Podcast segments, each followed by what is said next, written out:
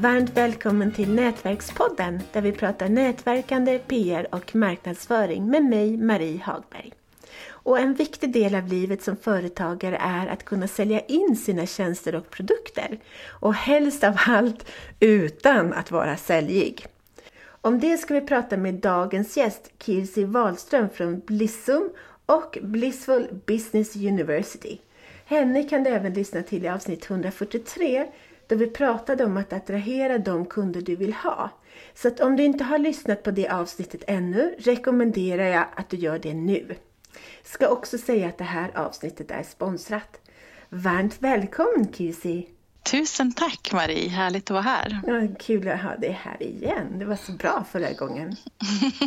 ja, det, det, är ju ett stort ämne det här med att sälja och att ta betalt så det, det, finns ju en del att, att ta av och det var jättekul. ja, men berätta nu, jag är så nyfiken. Hur gör vi för att sälja utan att vara säljiga? Ja, men att, att sälja utan att vara sälj handlar ju mycket om att faktiskt inte ha, alltså det handlar om ett mindset mycket. Att, att komma från att bjuda in folk till din värld istället för att tänka att ja, men nu ska jag sälja. Därför att den energin, om du går ut med energin att ja, men nu ska jag sälja och nu måste jag få sälja och nu måste jag få kunder så är inte det lika attraktivt som om du eh, möter folk och säger åh, men väl, jag har det här, vore det här någonting för dig? Och vad kul och att det finns eh, liksom energi, ja, precis som om du går på en anställningsintervju, att det är ett ömsesidigt utforskande om eh, är vi rätt för varandra? Ah. Eh, att komma in i att göra affärer med den energin och kanske inte ens tänka att man ska göra affärer, så gör man affärer utan att man behöver vara säljig. Så det är en sak. Men sen handlar det också om att bjuda på vår kunskap och dela med oss av sånt som eh, vårt folk, som jag brukar kalla våra kunder för, faktiskt har nytta av så att de förstår att vi kan vara rätt personer och hjälpa dem. En del av de företagare som jag jobbar med är lite för rädda, skulle jag vilja säga, att dela med sig av sin kunskap för då tänker ja men eh, vad ska jag då sälja? Men vi har så otroligt mycket kunskap i oss eh, och ju mer vi börjar dela med oss av den eh, ju mer upptäcker vi den själva också skulle jag vilja säga. Och våra kunder förstår aha, den här personen kan något som jag behöver. Så det är två konkreta tips. Att faktiskt bjuda in och liksom komma från den energin att eh, ja men eh, eh ska vi leka? Hellre än jag ska sälja. Ah. Eh, och att dela med dig av din kunskap så att folk förstår att du kan hjälpa dem. Men då har jag genast en fråga.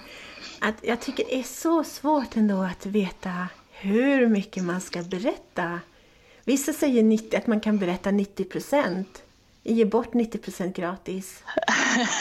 ja, jag har inga sådana procentregler faktiskt. Eh, men jag tror att rent generellt sett så kan vi dela med oss mycket mer än vad vi tror.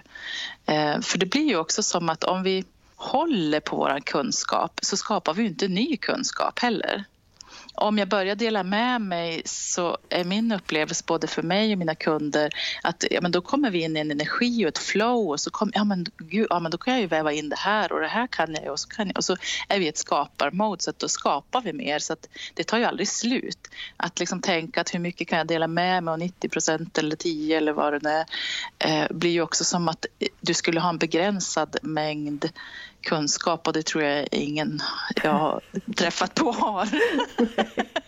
Sen handlar det ju om att göra det eh, säljbart också, att faktiskt ta betalt. För det är ju en annan aspekt ibland som eh, jag möter på att man fastnar i att bara dela med sig av sin kunskap och tro att man automatiskt ska få kunder på det viset. Det handlar ju också om att kombinera det med att eh, bjuda in till sånt som du har att sälja. Men igen, du hör att säga bjuda in mm. eh, och lita på att folk eh, faktiskt köper det de behöver. Men du måste ändå säga, ja men här, nästa steg, om du vill jobba mer, om du vill gå vidare, om du vill fortsätta ha mer av det här, ja men då kan du jobba på det här sättet med mig. Så det är också en viktig del. För en sak som jag själv gjorde i början, eh, ja men föreläste och trodde att per automatik det i sig skulle innebära att folk skulle anlita mig. Men jag hade inte förstått att man också måste liksom hjälpa folk på traven där och säga ja men om du vill jobba med mig då kan vi göra det på det här viset. Välkommen, det skulle vara kul att jobba med dig. Vad, vad kan man göra då för att våga alltså, jag tycker sånt här är jätteobehagligt. Vad kan man göra mm. för att våga? Um, ja, men en sak som jag tycker är viktigt är att liksom, göra lite distans från sig själv. Som, jag jobbar ju framförallt med soloföretagare och vi, vi säljer ju oss själva och det är ju eh, liksom det närmaste vi har. Vi liksom är, det är liksom att kliva fram med våra hjärtan och liksom oss själva. Så att eh, per automatik så finns där en, en ja, men en rädsla eller en otrygghet. Men att då ta hjälp av den här tanken, att folk köper faktiskt egentligen inte av dig, fast de gör ju det, men de investerar i sig själva genom dig. Mm. Det här gör ju de för sin egen skull. De gör det ju inte för din skull. Liksom. Vi blir så ofta så fokuserade på att det handlar om oss och liksom vad vi bidrar med. Och det är klart att det är viktigt, men för kunden, alltså att, att flytta fokus till kunden istället för på oss själva gör det lättare. Vad är det de får för värde av det som jag erbjuder? Eh, och att se att de investerar för sin egen del, för sin egen skull. Hur känns det för dig? jo, men alltså det tar ju bort en del av det jobbiga. Att, Eller hur? Ja, det gör det det skingrar liksom lite tankarna sådär för att nu ska jag sälja. Men ja, det, blir, det känns lättare när du säger så. Ja men precis. Och det är ju ett jättebra knep. Om man börjar liksom oroa sig för mycket då är man oftast för fokuserad på sig själv och då är det ju jättebra att börja fokusera på kunden istället.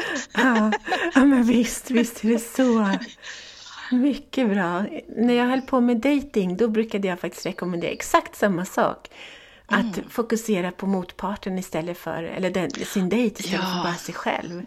Ja men precis. Och så är det ju också om du ska ha någon typ av kundmöte eller att du möter folk. Ja men fokusera på att lyssna.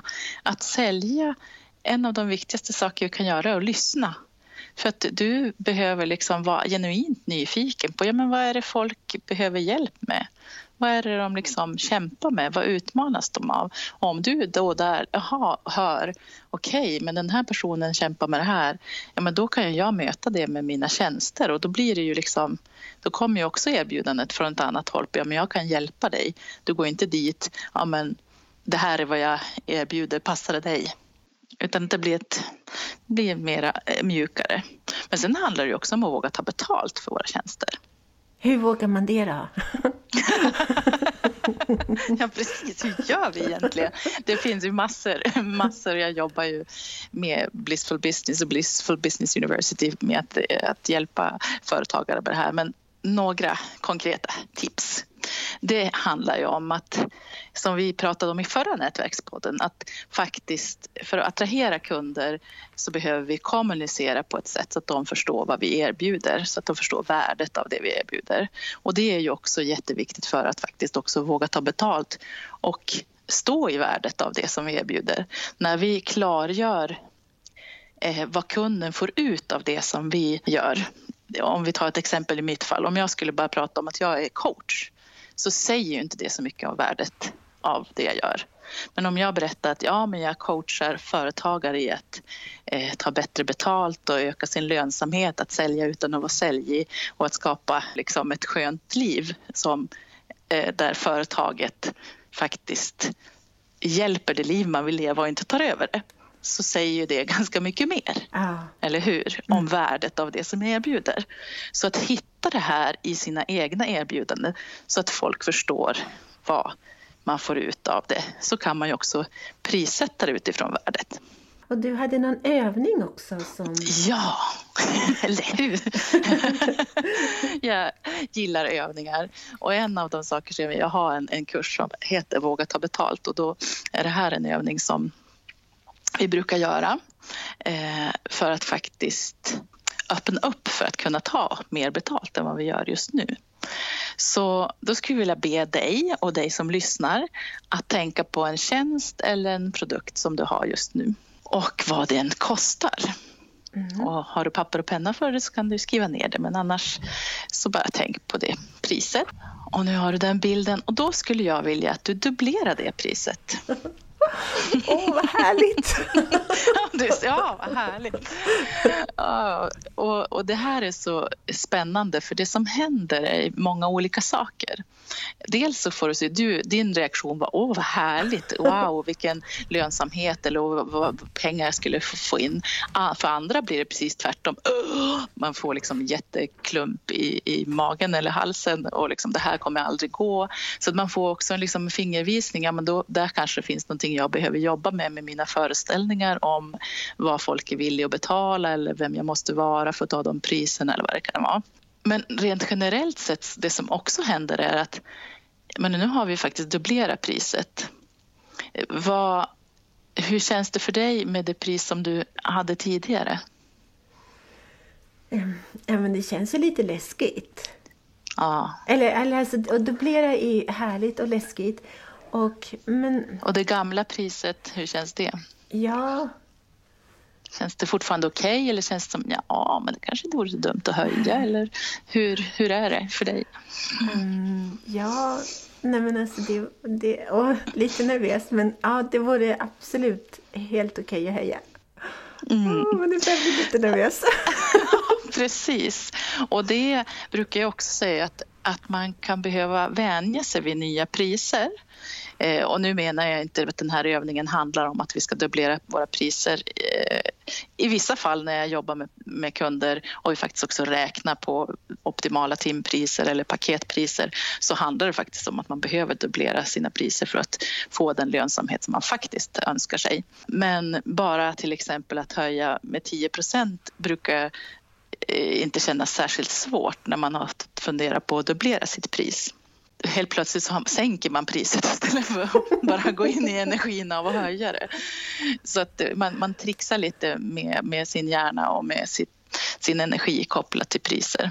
Alla som vill lära sig mer och sådär, hur får man kontakt med dig?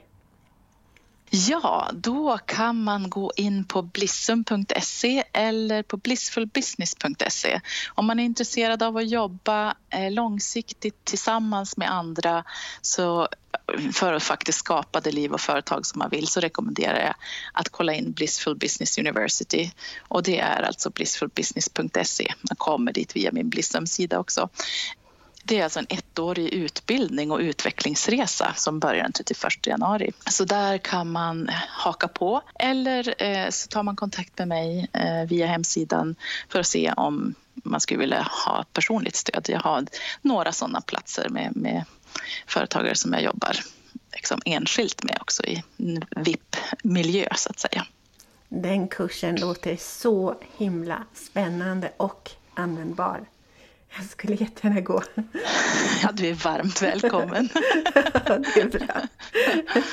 Ja, en stor tack för idag Kirsi. Så ja, men, hörs tack vi. själv. Ja, men det gör vi.